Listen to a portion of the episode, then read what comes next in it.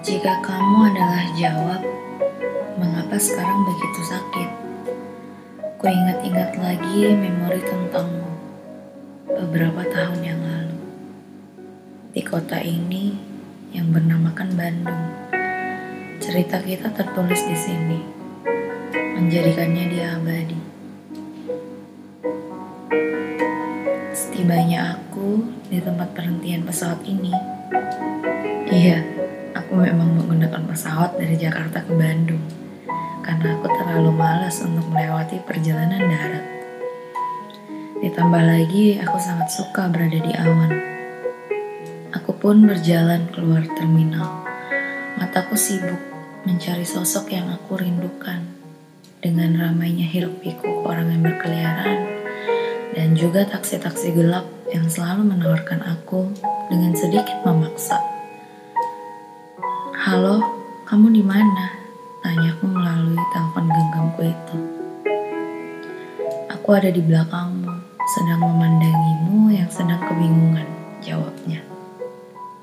Sungguh, aku kesal sekali dengan orang ini. Bukannya langsung menghampiriku, tapi dengan sengaja membuatku celingak-celinguk mencarinya.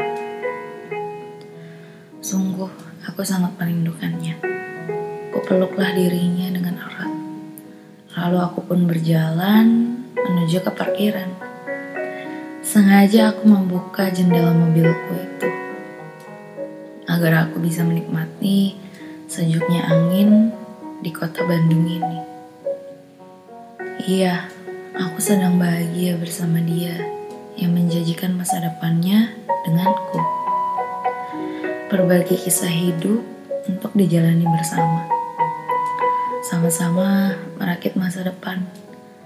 Senang rasanya untuk merasakan disayangi oleh orang yang kita sayangi.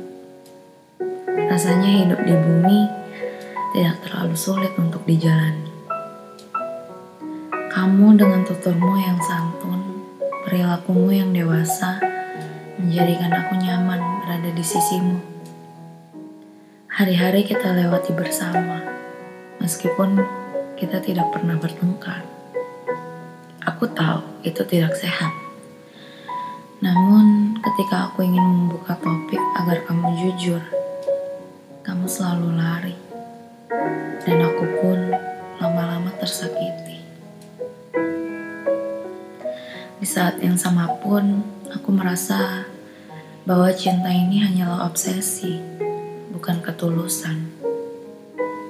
Lambat laun, aku melihat hanya ada ego di sana. Ego yang amat tingginya hanya karena aku adalah sesuatu yang kau jadikan judi semata. Yang kau jadikan permainan dan piala di depan teman-temanmu dan kamu hanya mementingkan dirimu sendiri tanpa tahu perasaanku dan kemauanku yang sesungguhnya. Jujur, aku sangat kecewa dengan sikapmu dan segala perilakumu kepadaku. Hari pertama di Bandung, semua tampak baik-baik saja. Tapi setelah itu, kau mulai membuatku tidak nyaman.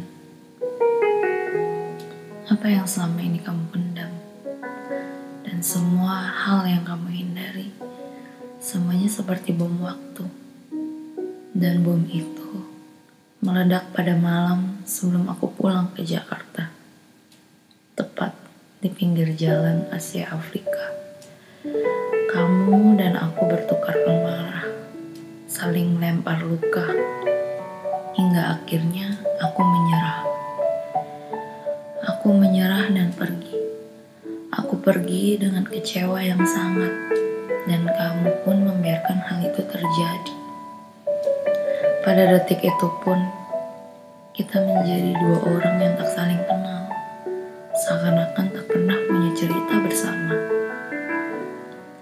Di saat ego lebih dari cinta, maka yang ada hanya perpisahan. Aku sadar bahwa cinta bukanlah perihal siapa yang salah dan benar. Tapi aku tahu bahwa hubungan ini tidak lagi bisa dipertahankan. Karena pelan tapi pasti kita akan usai tanpa perlu tahu apa arti cinta sesungguhnya. Kita telah menodai rasa yang ada tanpa perlu kita sadar lebih awal. Kita adalah dua manusia yang saling menyakiti. Kita adalah seleksi alam yang berbenturan menciptakan gema yang menghancurkan. Kita adalah pelajaran yang sangat mahal dari semesta.